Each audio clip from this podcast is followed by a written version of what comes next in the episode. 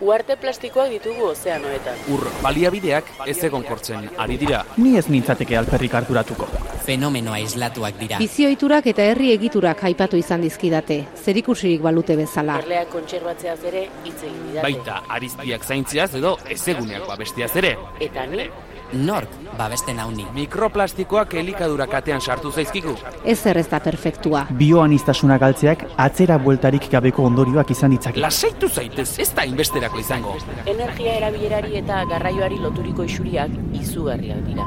Ez du nik erabaki horrela izaterik. Aro geologiko bat markatzeko adinako eragina izan dugu. Evoluzioaren aztarna, arro, egoteko modukoa benetan. Baliabideen erauzketak arrakala sozialak handitu ditu. Zer diozu?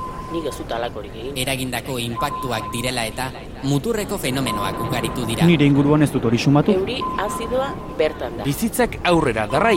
Bai? Ziur, Gelditu makinak. Gelditu makinak.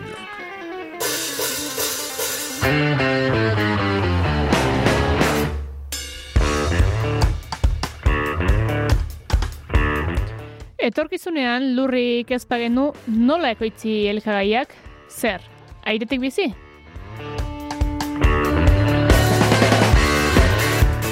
Gaurko mai inguruan landuko ditugun gaiekin alakoxeko zalantza existentzialak sor daitezke. Ez ditugu nolaneko gaiak ekarri eta izpide izango ditugu besteak beste lurtzorua, Food for Future eta hidrogenoaren koloreak. Eta hirugarren denboraldiko hogeita hamaikagarren saioa izaki, hiru figura ziurtatore ditugu. Gurean baitira Aitzi Bersarobe, Jokin Aldazabal eta Maite Aristegi.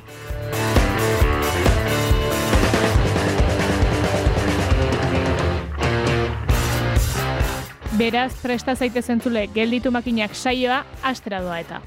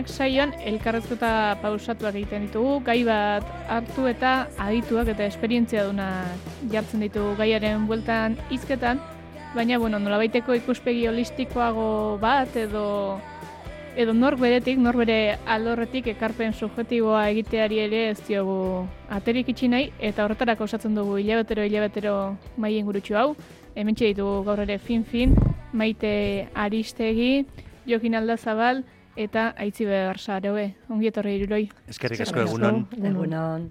Beste egun batez hemen, eta gaurkoan ere gai desberdinak izango ditugu izpide, hildo batetik beti ere, baina lurzoretik hasiko gara, ba, ba irudirelako, ba, euri pixka bat hasita eta ez da egitura jasateko gai ote dagoen lurtzorua edo, baina Aitzi behar pausa, paso eman nahi dizut. Bai. Eskerrik asko, bai, lurtzorua, gaia bea garrantzitsua, eta, bueno, gero saiatuko, saiatu ez, bukaeran aipatuko ez zergatik eh, aukeratu nun gai hau, eta saiatuko ez jokinekin loturatxo bat iten energia puntuak, teknologia batez ere. Bueno, lurtzorua, zer da lurtzorua ez? E, nola definituko genuke edo. Zaleik ez apaltzen dugunaren kontzeptualizazio teorikoa dela, lurtzorua, lurrazararen kanpo geruza, izkera arruntian, nekazaritan, lorezaintzan, ingurumen zientzietan, lurra deitzen diogun hori ere lurtzorua da. Lurra eta lurtzorua esaten dugunean, irudikapen badatorkigu burura, beltza usaintxua, zikintzen duena, aldiz, zorua bakarrik erabiltzen dugunean bestelakoa da irudikapena. Gogorra, latza, garbiaua. Izan ere, zorua esaten dugunean lurra gabe, lurra hitza, aurretik jarri gabe, zola datorkigu gogora. Eraikin edo egitura baten plataforma horizontala, gainean ibili edo gauza jartzeko erabiltzen den hori. Arriskoa, zurezkoa, metaleskoa edo beste material batekoa.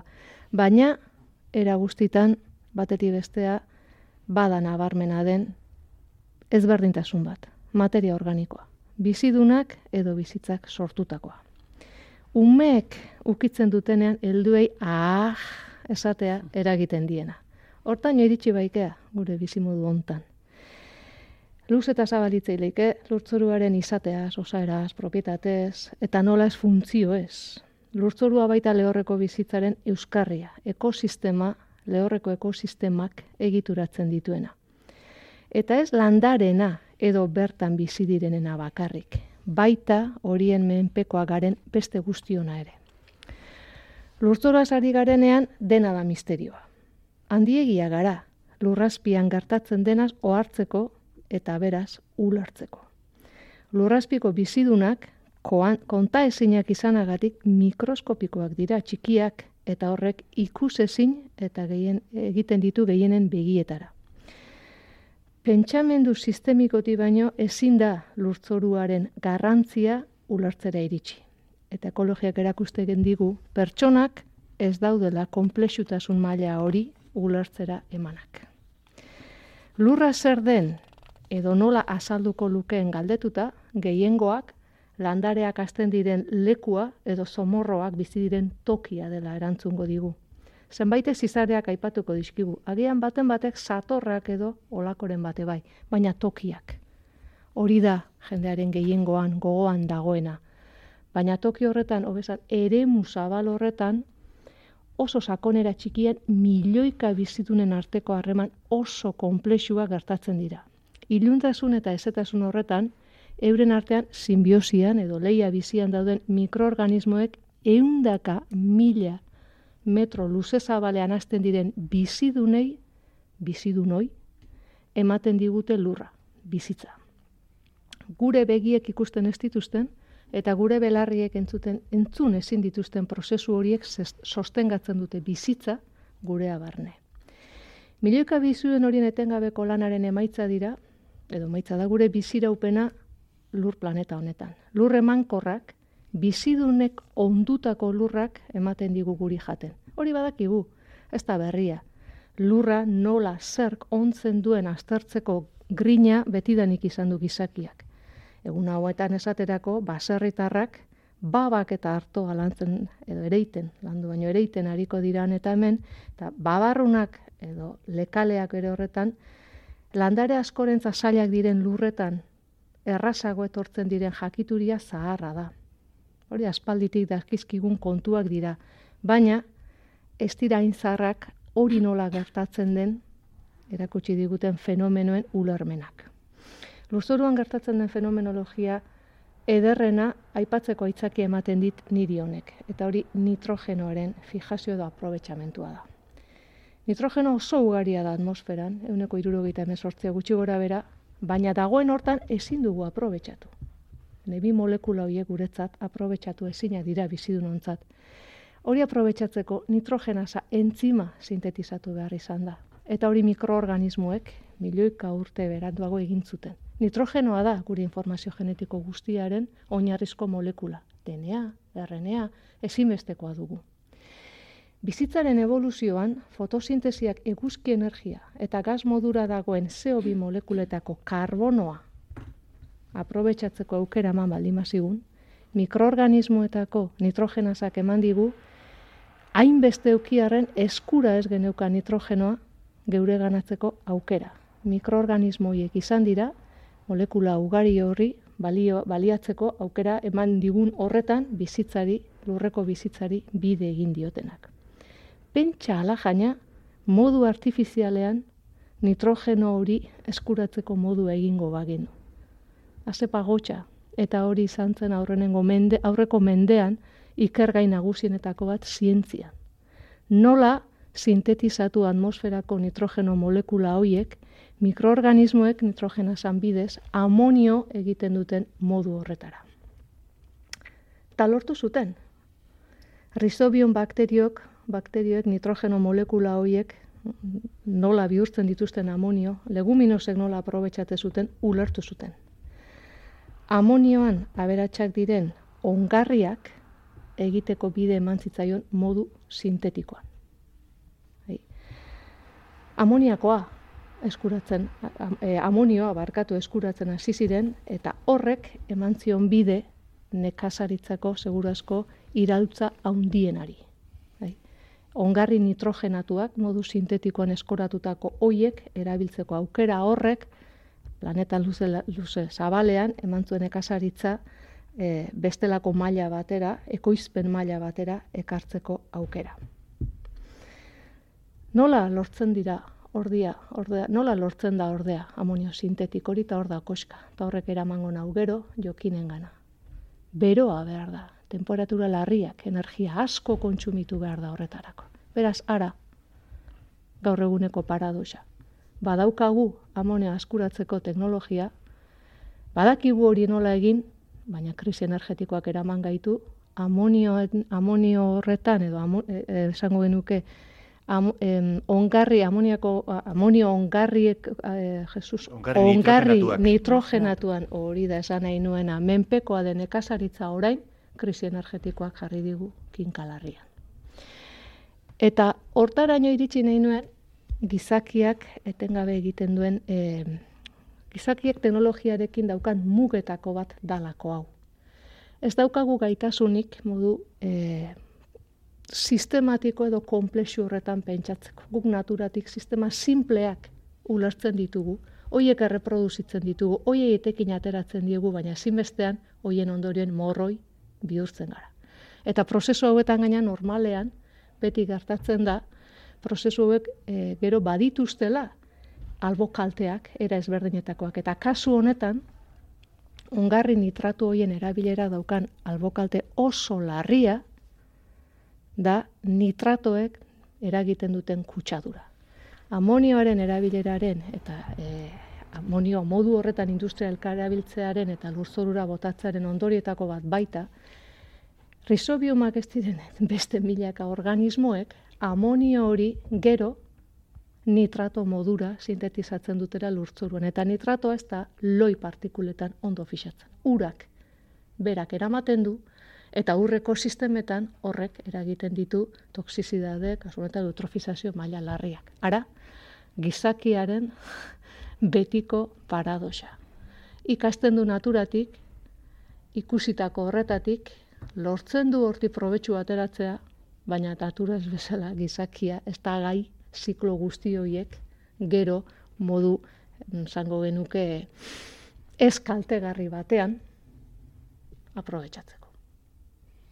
Hori da gaur kontatu nahi nuena niretzat adibide badalako beste asko bezala. Eta esan dut, hasieratik esan dut. Zergatik gai hau hor ere baseolako garrantzitsua dena, ez? Aurreko batean, aurreko saioan, jokinek esate zidan, hor esan duzu datu bat, dakit patinatu duzu edo ristin duzu edo sartzan, ez? Aipatu nuen datu bat larria dalako.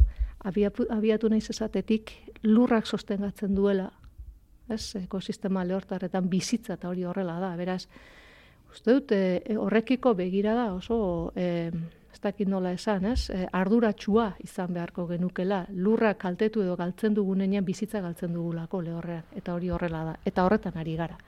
Bota nuen datu bat oso larria dana, ez? E, lur galera, aipatu nuen, lau milioi lareun damasi mila zereun da amar Neri ikaragarria iruditu zelan da, oaindikan ere sineste zeina. Bai.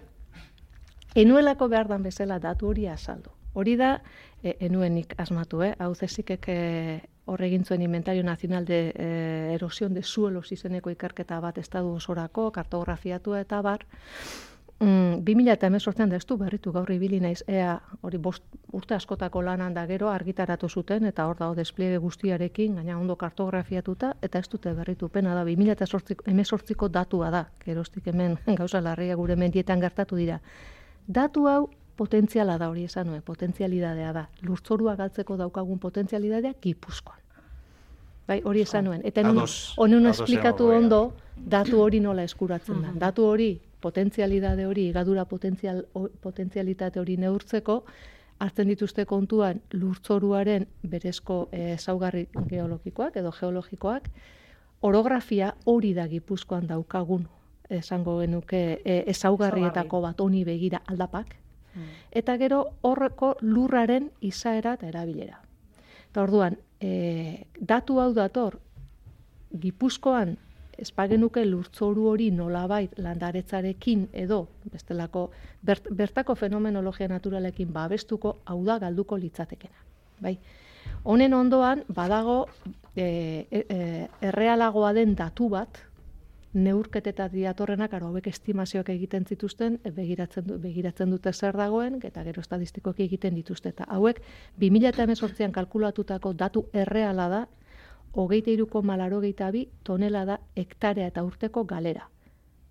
Bai? Reala. Erreala. Erreala, e, e, iru tonela da urteko, urteko eta hektareako. hektareako. Erreala baino estimazio zuzenetatik ateratako bat, azbesteko bat. Erreala baino, hau da, estimatutako lurzorutatik. Baina neurtuta. Bai, eta gero daude beste bi datu ere interesgarriana da. Datu hau nahiko ondo dator edesok eta ikerketa bakarra dago sakona, larogeita emezortzikoan egin zuten geologiatik egindako ikerketa, hau zan manejo de explotaciones forestales y pérdida de suelo, hemen la, iruro, amasei eta irurogeita amar tonela da hektarea eta urteko galerak haue bai neurtu zituzten errealak.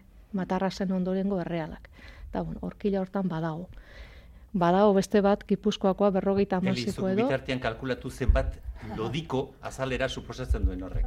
Matematikari. Bai. Eta azkenik, bueno, e, nahi agartziari berari entzun izan diot, elkarrizketaren batean, nertu izan dituztela, hogeita mar da metro karratuko lur galerak, e, matarrazak egindako, hau da, hauek, eh? Hektareako. bai, hauek egin izan dituztenak izan dira ikerketak, ba, e, lurtzoru mota ezberdinak, ze egitura edo ze nolako urarekiko ezurruntasun daukaten, e, landarediaren arabera. Izan zelai bat, e, zeratuta dagoena, izan e, komplexuagoa den nolabiteko landaredi bat, edo eta moztu berria den e, zera bat, e, baso zera bat. Eta hor ikusi dute, lurgalerak, tontonak ikuste duna izugarriak direla. Hortara zetorren ere kezkan ere ardura, eta horri erantzun nahi nion, ba, hasierako espitxo horrekin, garrantzitsua delako, zeren menpeko Zuk gara. esan dakoa abonatuz, esaten duten bezala, ze? Ongarrituz, ongarrituz. Litratuekin edo. Claro, esan, esan duzu, e, nitrogenoa eskuratzeko, edo eskuragarri jartzeko amoniako forman, e, beroa behar dala. Amonio, bai, bero izugarri. Ba, hor, erabiltzen dena da, ez dakit zergatikan, baina gas naturala da, era bat e, erabiltzen erabiltzen dena. Eta e, hor horrela bihurtzen da e, metanoa hartuta, gas naturala hartuta, e, ateratzen da amonioa. amonioa. Eta e, industria hau itxura denez, eta nun irakurri dudan, e, desarrollatu zen munduko bigarren gerraren garaian. Eta, klaro, bazeukaten industria potentea oso, gerra, baino gerra bukatu. Hor, zerbaiten eh, enplegua bilatu behar zioten, eh, teknologia harri eta instalazio guztiaiei, eta ordun esan zuten nekazaritzarako. Historia, Baina, bai. historia, hola, gerra kontuez eh, beteta lepo dago. Arrazoiak askotan hor atzian. ezta. Gero, aipatu duzunean eta asko galtzen da aprobetxatu eta pixkatortik kanpora ateratzen den galdera bat da, baina gai da gizakia zerbait bere probetxurako ez den ez balitz bezala ikusteko? Maitasuna zaialtzea.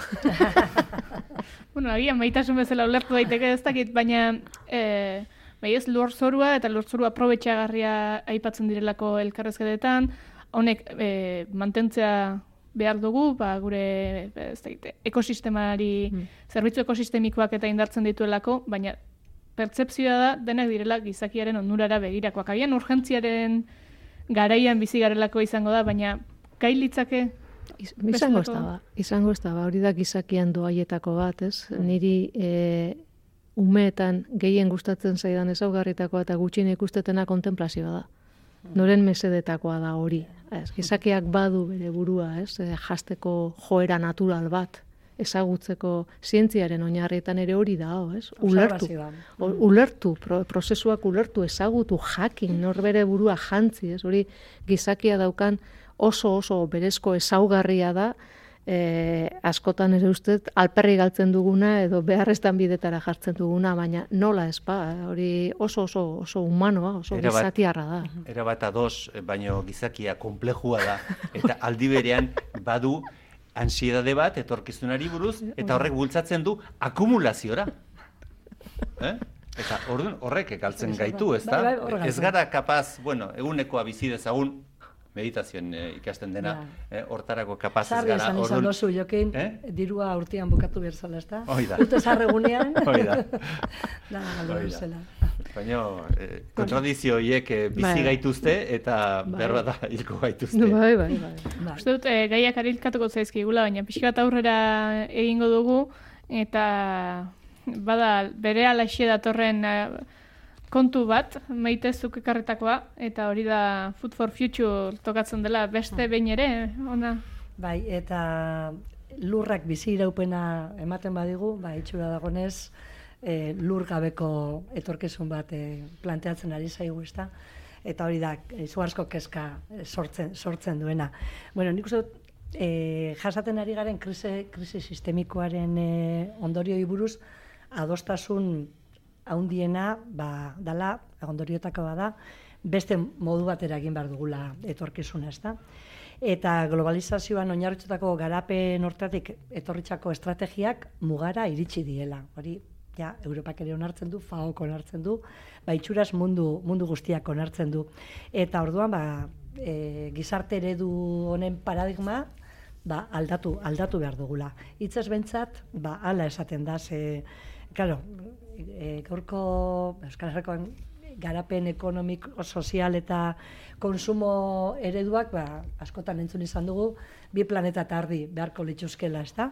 Danian, e, e, ba, horrela, mundu guztian nola edatuko balitz, ez da? Ba, horrek argi dago, ba, transizio prozesua eskatzen duela, eta industria, zerbitzu, turismoan, oso argi dago, ba, desaskunde prozesu batzutara, jo behar dugula, transizio hori egin behar dugula. Jakina, karo, ekoizpenak, e, jateak, nahikotasun hortara iritsen nahi badugu, eta beste mundu guztian, e, ba, e, nahikotasun hori izan dezaten, ba, gehiago produzitxu behar da. Nik ez da ditxu hortaz pentsatzen ari dien, eh? E, baina hemen ikusten duguna da, oain artean egondan e, ba, talka hori, ez da, e, bi nekazaritza eredun artean, e, nolabait, ari gaela, beste beste leku batera, beste mutur batera eramaten eta e, ertzeraino eramaten, ezta? E, zelabait, e, orain arteko talka hori nekazaritza e, lurran, lurrian oinarritutako nekazaritza eta benetan iraunkorra e, dena, ba, iraunkortasunaren izenean, eh, orain ari garela ja izugarrizko zeharoko lehen deskonexioa baldin bazegoen, e, ba, lurrian oinarritutako nekazaritza hori e, ba, animalia eta lurrarekiko deskonexio bat egon da, industrializatuarekin, ba, orain ja kitxo, beste muturrera joten ari garela, ez da? Eta... Oraindik urrun nago. Hombre, Food for Future hori da. Datorren astian hasiko da, amaseitik emezortzira e, e, Bilbon, eta hor ja, claro, gizarte eredua dago jokoan. E, ja, da, erabateko austura, ez da? E, esan leke gainera, austura antropologikoa ere badela. Ze, eske, orain artean, ez da hori, ba, prozesu bat e, aitzatu duzu, ezta? Eta nitrogenoaren e, eta horrek eragizuen e, iraultza hori, baina ez da berdina jakitea gure elikagaiak naturaren araberakoa direla, edo laborategi batean e, sortakoa direla. Eh? Ba, arlo askotati begira, baina hori ja da gizarte eredu baten e, austura, austura bat. Eta e, hori, bueno, egingo da e, berriz ere, ba, nekazaitza industrializatu eredu hori bultzatu dutenak eta iraunkortasunaren izenean, ze gonbidapena jaso dugu eta eta iraunkortasuna aipatzen da. Eh? Eta e, gainera, e, laborategiko elikadura ba, e, jasangarriagoa eta etikoagoa balitz bezala. Gainera, ba, bal, balio horiek e, hor gainean jarriz, ezta. Orduan, e, nolabait, paradigma e, berri hori dator, eta bultzatzen dituztenak eragile berdina dira. Eh? Ikusten bago gonbidapena zeintzuk egin duten, ba, Coca-Cola, Campo Frio, e, bueno, ba, Nestle, ba, multinazional guzti hoi edia. Greenwashing. Bai. baina, karo, gure, e, ba, Bilboko udala, e, Bizkaiko e, foru diputazioa, Eusko Jaurlaritza, eta, bueno, eh? E, ba, eroski, eta harren, ba, bultzadarekin eta eta laguntzarekin, ezta? Osa, gure erakunde publikoen e, laguntza laguntza horren ka. Ezin dugu ahaztu e, Europa Europako ba behi e, industria handiena, intensib, e, ba intensiboena Euskal Herrian daukagula, e, Kaparroson daukagula. Eh? Eta, eta baitxa, ba, karo, aragi in vitro hori sortzeko eraikina, bueno, e, ba, oraintxe onartu berri dira, ez da? E, 2000 eta saspirun mila euroko e, laguntza hori, biotech e, foods e, horri, horri emateko, ez da? Eta, bentxe, donostian, atzian zein dagon, ez dakitz, dakigun, baina, bueno, JBS multinazional Brasildar hori, munduko proteina sortzaile handiena, eta metano botatzaile baitxa handiena. E, aparte, ba, ba, bueno, salatua izan dela, ez dakit dakizuen, ba, amabost urtean ziar, e, hogeta sortzi alderdi politiko e, desberdin, e, bueno, ustelkeria kasuagatik erosteagatik euren borondatia eta eta ja onartuta dago e, onartuta e, dago hori eta bueno hori da e, perla hori da hemen e, ba, biotech foods honen atzian e, dagoena eta diru laguntza hori e, jaso duena, ez da. Orduan, e, ba, bueno, hori izango da, datorren hastian egongo dena, eta elikadura e, sintetiko hori proposoko da. Eta ja, e, bueno, ikusi danean, ja, FAOk onartu du, Europako batzordiak e, onartu du, ba, elikadura sistema eraldatzea beste biderik ez dagoela e, ba, iraunkortasun e, ekonomiko, ingurugiro aldetikoa eta soziala bermatu nahi baldin bada. Eh? Ze, karo, elikadura sintetikoak basarretarrik gabeko e, nekazaritza bat e, sustatzen du, eta pentsa horrek e, e, zer, daka, zer dakarren ez da. Eta orduan, e, ba, nolabait transizio hori egin behar dela, sistema agroekologiko e, batera eta tokiko elikagaien ekoizpena e, e, bultzatzera o bermatzera. Sistema agroekologikoak bakarrik bermatu e, dezakeela hori. Jarri ditu, basarretik maira estrategia hor dago, eh? Orduan, e, bueno, e, ongarriak eta pestizidak, e, ba, bueno, pestizidak antibiotikoak euneko berrogeta mar murriztea, ongarriak euneko gehi murriztea, e, nekazaitza ekologikoa balur zaiak euneko hogeta bost e, izatea, 2000 eta hogeta marrerako, bertan da. Eta hori bultzatzen den e, bitartian, ba, ba, hau daukagu. Eta hortan itxuria dagonez, munduko honenak esan nahi dugu, ezta? Ero, eh? E, aurre hartu nahi dugunak. Eske, hausnarketa bat gabe, prekauzio hori gabe, pentsatu gabe, benetan ezarrek nahi dugu. Eta iraunkortasunaren e, izenean, zerenik iraunkortasuna. Ezta? Orduan, oso oso larria, oso oso larria iruditzen zaigu, horrekin jolas egitea, eta berriz ere, ba, finantza interesak, osea, beti onaino ekarri gaituztenen, interesak eh, agintzen dutenean, baina karo gure diruarekin. Bai. Nik ezin Horrek sinistu. hori utzen nahi nuen, bai gainean mentzat. Ezin dut sinistu horretan ari diren enpresariak eta politikoak ezertaz jabetzen ez diranik edo e, sinisten dutenik esaten duten hori. I, ikera harria iruditzen zait. Eta beti galdera bera egiten denik e, monomania alegia e, esaten duzu e, e, nola esango diogu 5.0 janari hori, eh? nekazaritza edo barazkintza hori 5.0, zenbat energia behar du?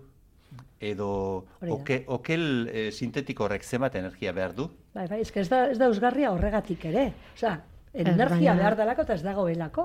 Baina aratago. horregatik ere. Baina aratago ere badoa, eh? Ez dakit ikusi dituzuen, ni oraindik izututa eta impactatuta nao, bi berri hoie gaina egun berean atera ziren, Donostiako enpresa hori, niri gezurra esan dut. Berri horiek agin- Angulas aginaga ere badago. batera iritsi zitzaizkidan e, mugikorrera. Horrela hitz egin beharko dugu, zeurain iristen dira olako bidotxo motxu mordura edo, eta bat jaso nun, ez dakit ikusi duzuen, da nio handikan e, sinistu ezinik nao, netan jahua jartzen zan, Bras- em, Jesus, hor Israeleko enpresa baten inaugurazioa zan, eta teknologia, aragi sintetiko horren teknologia, go espaia gauza, naturak egiten ez duen ez asmatzeko, oinarritzezan kasu horretan, teknologia mota horretan, zelula ametan.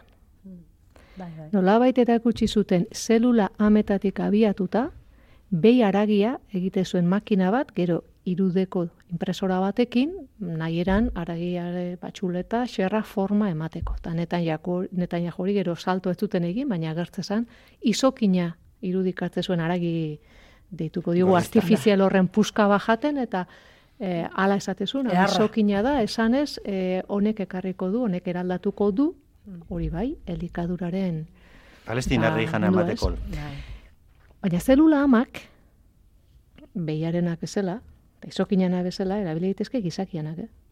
Eta nik hori bukatu nuen esan nuen... Bildurra, eh? Ez, ez, beldurra, ez, nik esan nuen, hau da, ez, hau bai da, beste dimensio bat, kanibalismoaren hasiera ikusi dut oraintxe, minutu batean.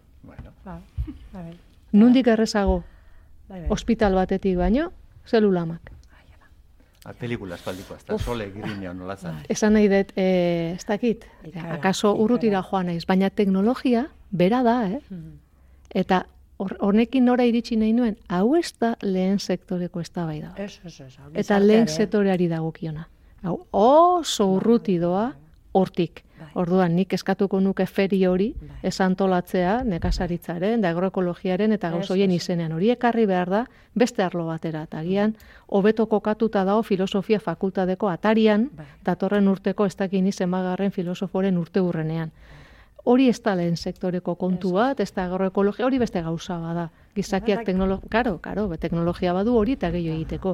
Baina ni oraindik izututa nao, netan ja juren, izokin gustoko eh, dalako osagai hori, aragia ditu behar bazaio probatzen, eta bere irripar arpegiakin esanez, honek etorkizun aldatuko du bai jaina, bai jauna, eta Andreak. Aldatuko du. Zu biologo zara eh, hori animalien munduan, reziklaje hori egiten da, ezta? Neu- Era batera edo bestera edo. Bai, baina salako gastuarekin eta salako ondorioekin lehenakoragoaz. Naturalen- Materia organikoaren zikloak itxiak dira. Hori alde batera, alderdi filosofikoa nintzen, Claro, claro, claro, eta kanibalismoa seguru nao, ohikoa izan den praktika bat izan dela gizateriaren historian. Sarraski jale izan da ez dauka zalantzarik. Kontua da horra bueltatu nahi aldugun bide hauetatik, ez?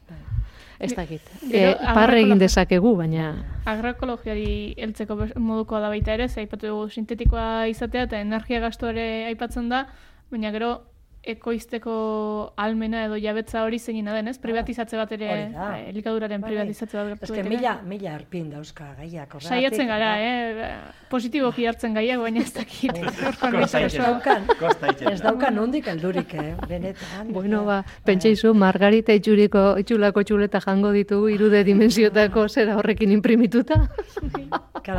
Eta gaina zabar barbakoa, zezaila ez da izango.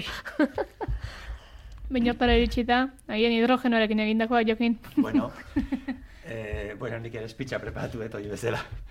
Eta esaten, ari nintzen pentsatzen, energiaren kontu honetan badagoela zertaz hitz egina, eta aukeratzen kostatzen dela. Eta kasu horretan, aste honetan, zalantzatan nengoen, energiaren kontu orokorraz jarraitu, ala energia nuklearraren alde on ugariak goraipatu. Hau, espero dut ekartzea luzaro gabez, e, aukera emango didazuela indikan. Ez, benetan sinisten baitet, e, zera, alderdi on asko dituela eta behar, beharrezkoa gerta dakigukela. E, hau espero dut ekartzea luzaro gabe eskandola apur bat sortu baldin malitek ere. Izan ere, sol, eskandola sortu liteke nuklearraz, eta beira ze paradoja, fosilekin egiten ari garen ari buruzko protestak aulak dira. Eh? Eta egiten ari garen astakeria askoz handigoa da. Baina gizakiak la, sesgo raro batzuk ditu gauzak eh, apreziatzeko momentuan. Bueno, baina honetan nengoela udaberriari dagokion gaia proposatu zidan aitziberrek. udaberriari baita gozkio koloreak. Zergatik ez, zeren koloreak? Ba, hidrogenoaren koloreak, lauzpa bost bai baititu. Inor asaldatu baino lehen, edo inor sinetxi baino lehen, argitu eta nabarmendu dezadan hidrogenoak ez daukala kolorerik. Eh? Ze, sinistu baita gero. ikusten ez den gasa baita. Berriro diot, hidrogenoaren kolorez hariko bagara ere, ondorengo minutu hauetan, hidrogena ura bezalaxe inkoloroa da. Dozen erdi bat kolore aipa genitzake hidrogenoa zaritzeko. Azteko famosoena, denen ahotan e, dabilen hori. Hidrogeno berdea. Beraz, argituko dugu, pausa txiki bat egingo dizut, kolorea dela hidrogeno hori sortzeko baliatu den energiari dagokiona.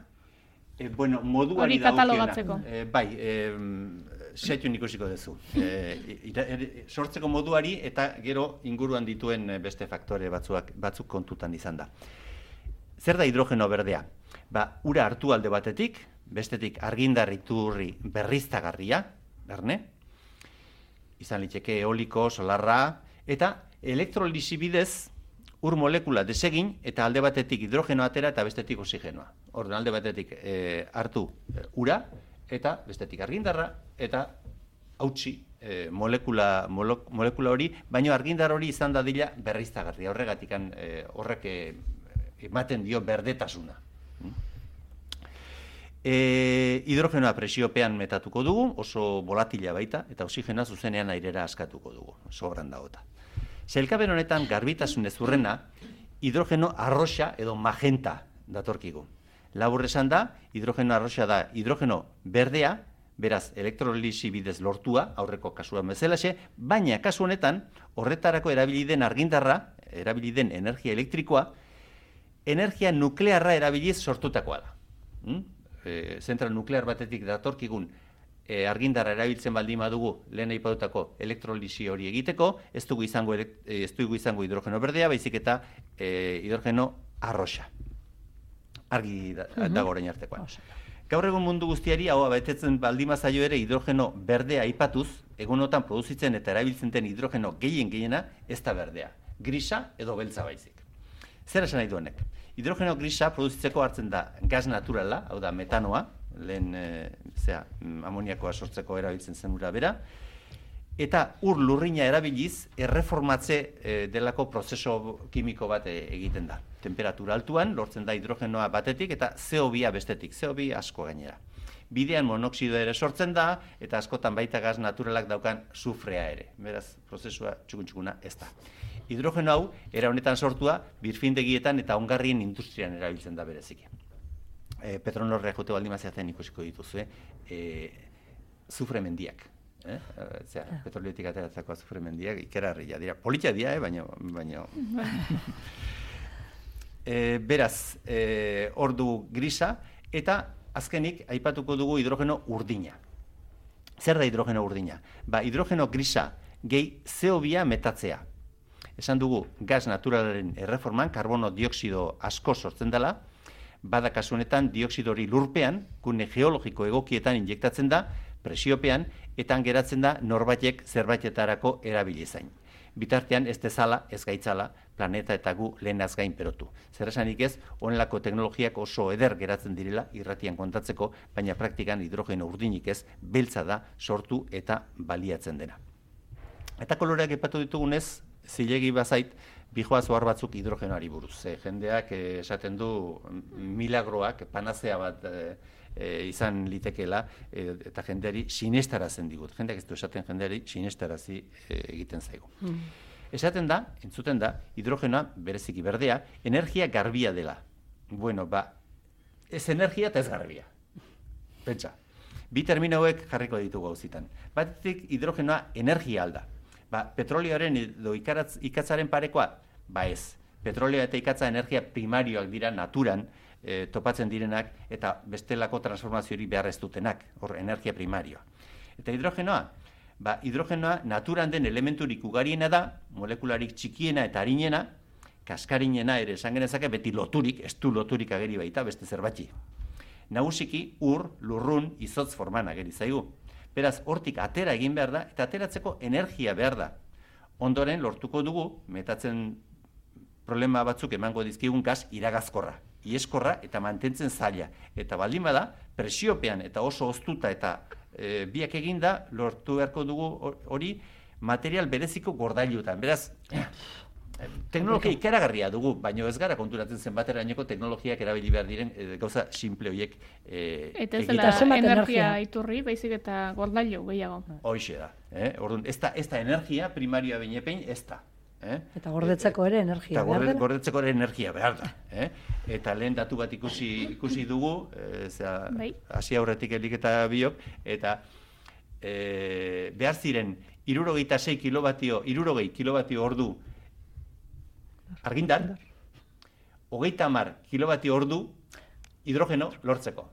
Mm? Beraz, ja, prozesu horren hasieran ja, erdila galdu, galdu dugu, energiaren erdila galdu dugu. Orduan, hor- bueno, horregatik erabiltzen da soberako eh, energia elektrikoa eh, elektrolisia egiteko. Non nari nintzen. Bueno, horregatik esaten dela, eta helik esandakoari erantziz, hidrogena vektore bat dela. Eh? Vektorea, alegia, eramaile edo garraialari esan nahi du horrek. E, gu haindikan erdia paisa bagea, eta e, latinezko erroak hori esan nahi du, beo beiz bere besi bektum batzen zate, eh? Ba, eraman, esan, esan nahi du, bektum horrek, vektore hitza, eta behikulo hitzaren erro bera da. Eh? Hidrogena beraz, beste energiaren bat pilatu eta eramateko tresna soila dugu. Beraz, aurreko baldintza guztiak beteta, soilik hidrogenoa energiatzat hartu genezake. Baina, egindako nabartuna horiek eginda. Bestetik garbia esan dugu. Hori ere hauzitan jar genezake. Eman dezagun, hidrogenoa eskuratzeko modurik garbiena, itxuraz garbiena, eguzki energia elektrikoa eskuratuko dugu instalazio fotovoltaiko baten bitartez eta hartaz eskolan laborategien egiten genuen bezala elektrolisia eragingo dugu eta bereziko ditugu hidrogenoa eta oxigenoa. Gaurko honetan ikasiko duzue prozesua oso ondo. Hau esan dugu modu konbilartean garbia. Bueno, azter dezagun garbitasun hori galdera batzuen bitartez.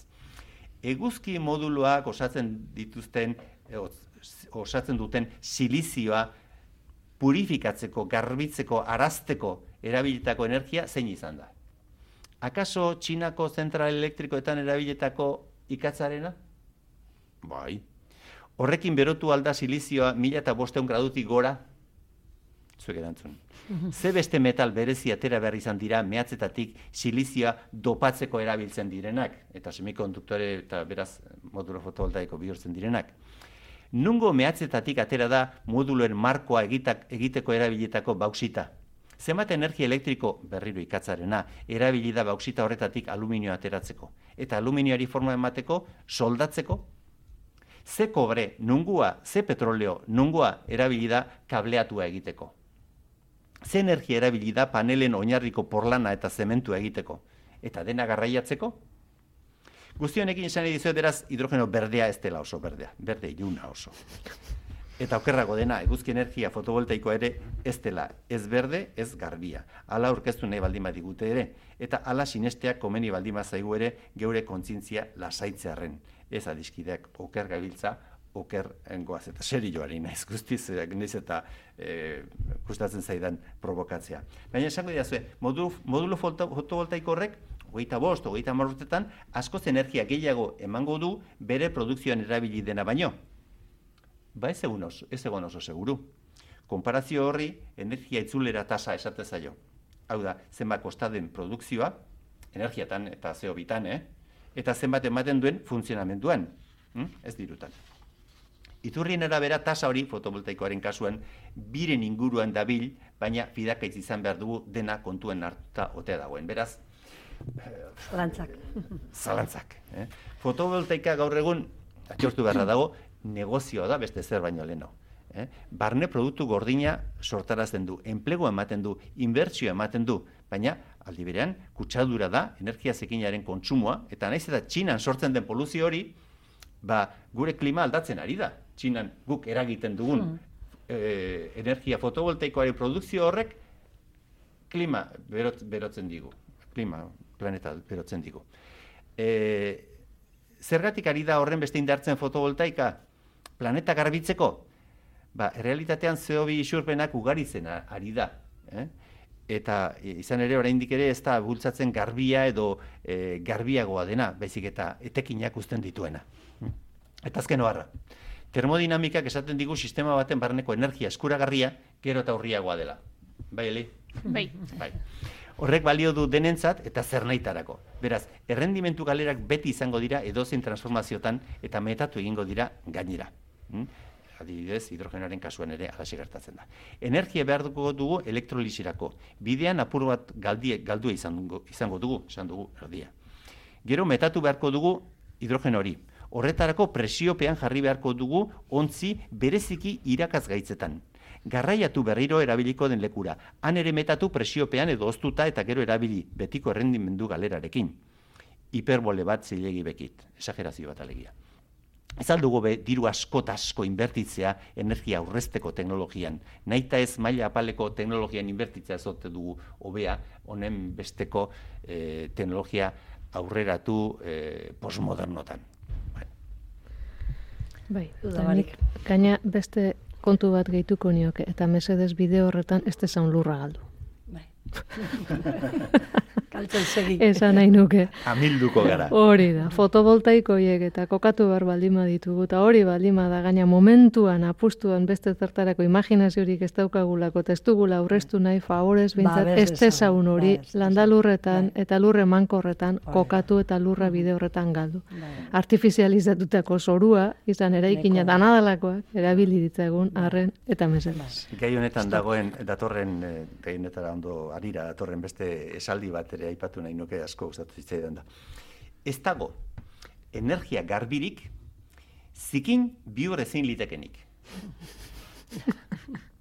Asuntoa da, Politikoak bezala. Eh? Politikoak bezala. Bueno, zen, zenbat erabiltzen dugun. Energiarik garbiena hartuta ere, erabili eta erabili eta beste eh, eskala batzutan da eramaten baldin badugu, azkenean zikina bihurtuko da. Eh? Eta hori Eolia. zenbailekutan gertatzen ari da, edo eolikoarekin, edo fotovoltaikoarekin. ezta? Egia da, eolikoa esan da ere, e, ba, hidrogenoak gehien bat hor kokatzen dela ez, eta itxas e, bazterretatik urrun daudenetan kableatua saiesteko soluzio bezala planteatzen dela hidrogenoaren erabilera. Alegia, kostatik urrun dauden e, modulu eolikoetan, Hidrogeno bitxartez. hidrogeno bitartez hidrolisia egin, eta gero alako batean, barko handia joan bila, ona ekartzeko.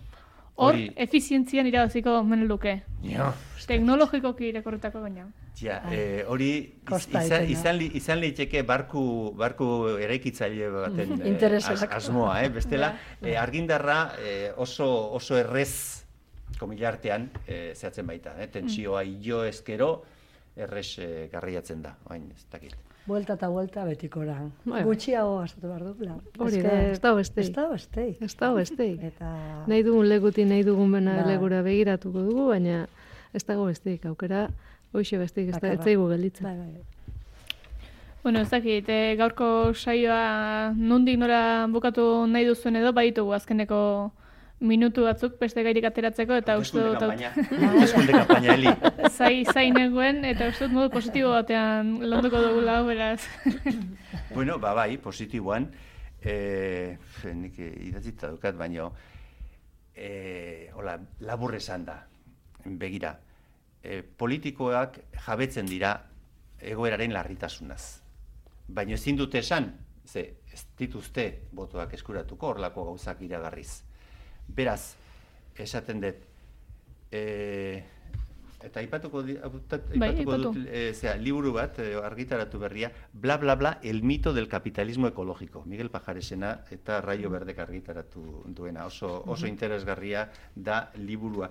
Eta eh, aipatzen ditu ze neurri hartu beharko lirakeen eh, ba, eh, krisi e- ekologikoari eh, erantzuteko eta halako momentu batean esaten du el voto eh, barkatu botoa importantea da e, neurri hauek, aipatutako mm, sobrietate eta austeridade neurri hauek, aurrera eramango, eramateko kapaz izango diren politikoi eman behar diegu botoa. Eta bereziki, ez utzi persona oiei, kapaz oiei botoa emateari, beren erabakiak gustatzen ez zaizkigunean.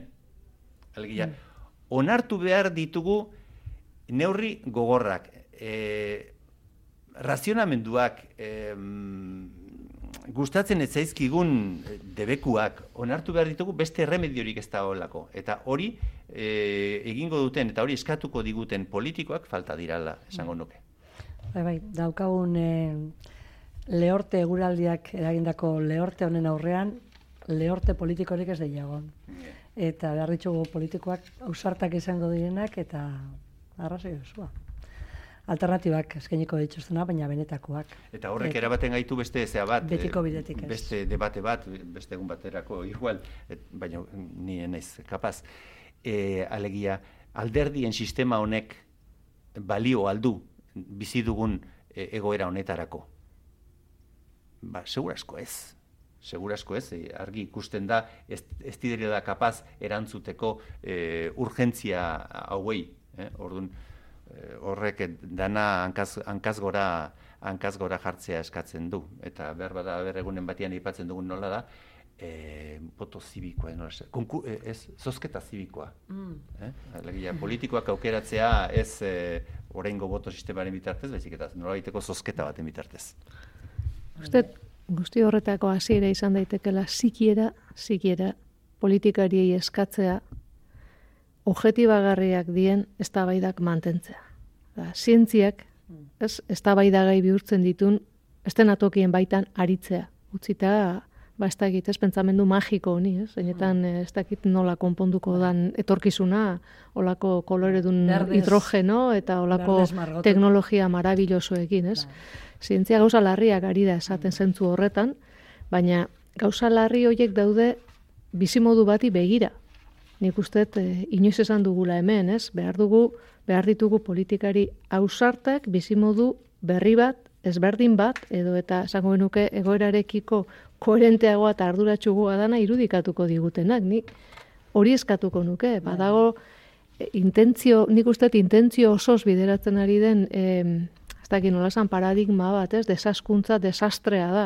Eta horrek badu izate arrazoia, inoiz ez dugu gure kuntsumoa energetikoa edo bestelakoa gutxitu fede honez. Horren atzean beti egon da katastrofe bat edo antzeko zerbait, modu esanguratsuan gertatu denean. Baina ez dauka zertan. Planifikatzen bada, ez? Nik uste, dut, badauzkagula aukera beste bizimodu bateako. Ni- Planifikatuta ere, gorra izan Bai, bai, eh? hori oso argi daukagu. Nik hortan ez dakat jokin, baina e, beti berdineko esat, eh, beti berdina bueltatzen naiz. Gu ni uste hasi gaitezkela pixkana, ez, bestelako planteamentu batzuk egiten, olako estenatoki beltz hoietara eraman gabe gure irudimena eta bizimodua. Gertatzena denbori gabe gelditzen ari gaela. Mm, e, ge- Bide horretan, eta hemen idatzitan neukan, alegia, e, gaur egun ari gara azten ekonomia, e, barne produktu gordina uneko bi inguru, eta bueno, lanpostuak sortzen dira, eta eta bar. Baino, kalkulatuta dago, e, nire Janko, Janko horrek emandako datua da, behar dugula, e, irauteko, behar dugula, barne produktu gordina, urtero, urtero, euneko lau edo post murriztu. Murriztu. Eh? Eta horrek esan nahi du, impuesto gutxiago sortu, e, bilduko dala, e, lanpostuak asko galduko Galdu direla, transformatu egin beharko dute Hori da. ekonomia Aldatu, sencillo aldatu. baterako. Bai. Tokian Eh, tokiko ekonomia, ber, ekonomia berrantolatu behar dala, baina hori hori espada egiten modu ordenatu batean gertatu egingo da. Hori da zientziak esaten digu, gertatuko dela modu desordenatu baten eta orduan hori da. Nor hasi behar da, ez? E, Nor jarriko diokatu honik aiskabela eta nor hasiko da, ez? Zintzokitze egiten. bizitzak erdigunean jartzea hitz egiten dugunean, lurraren bizitza jarri behar dugu hor, erdi, erdi. Bai, bai. E, horretara, horri, horri lotuz e, aitziber, Edgar Moren e, filosofo frantsesaren e, zera, e, esaldi bat e, datorkit e, orain esku, eskuetara. E, claro, e, edo gogo honez egingo dugu, edo derri horrez egingo dugu. E, hor daukagun berehalako, e, berehalako tentazioa da iraultza. Eta e, berak esaten du neoliberalismoak ba, sektore asko bereganatu dituela, e, privatizatu eta bar.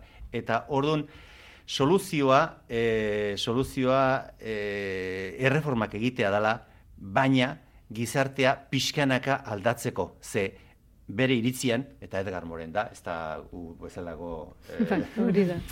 eskalia, Esatari, ja. e, aldatu behar direla, paulatinamente esaten du berak, eh? apurka, apurka eh, al- aldatu behar direla, emaro, emaro aldatu behar direla eh, gizarteak, ez bere iritzian iraultzarik ezinezkoa da. Ezinezkoa da iraultza, eta orain artekoan izan dana bezalakoak, ba, e, mm, txikitzaileak gertatu dira eraikitzailea baino. Eta, Orduan, horrekin ere kontu zilu dugu, beraz, horri pilotatzea zaila izango da. Baina printzipio bezala niretzat ulertzen erreza da, esate baterako, ezin da planteatu momentu honetan energiaren e, ez, e, trantsizio baterako norabiderik, ez duenik oinarrian energia aurrestea ekartzen. Hori da printzipioa. Hasi gaitezen, baina ez genuke onartu behar, trantsizio bidean dagoen inolako planteamentu hori, planifikazio hori proposamenik, espaldi madu energia aurrezpenean eragiten modu esanguratsuan. Hori da Hori printzipioa. oinarri, oinarri. Hori da, hor- horrela pentsatzen hasi beharko genuke. Ezin diogu deitu trantsizioa, ez, kooperatiba energetiko bat sortzeari, horrek berdin. karreko baldin badigu energia nik ez dakin nolako. Ez, ez, ez, e, ze, zenbat, zenbatean gutxituko du, ez zenbat energia berriztagarri ekoiztuko du, zenbatean gutxituko du gure kontsumoa. Eta hortik hasi beharko genuke neurtzen zenbateraino da on hori trantsizio bide horretan, bestela ez da hori da niretzat printzipioa eta hortik hasi beharko genuke hitz egiten, eta posible nik uste badela. Eta hori aplikatuta turismoari... Hori aplikatuta arlo guztiei. Turismoa, zer da turismoa? Hori beste bateak. baina. Turismoare, ez du zabaldoko turismoaren gaia, bestela hemen ongo gara bihar arte. Beste egun baterako. Hemen utziko dugu irukote, eskarrek asko gurera izatea, e, gurera etortzeagatik. Beste tertuliatxo bat ere geratzen zaigu, beraz, oraindik gaiak mamituko ditugu eta xeago eh, aztertuko ditugu edo. Esan esan dakoa, eskerrik asko. Zuei. Zuri izan ondo. Segi. Gelditu makinak, naiz irratian, Eli Pagolarekin.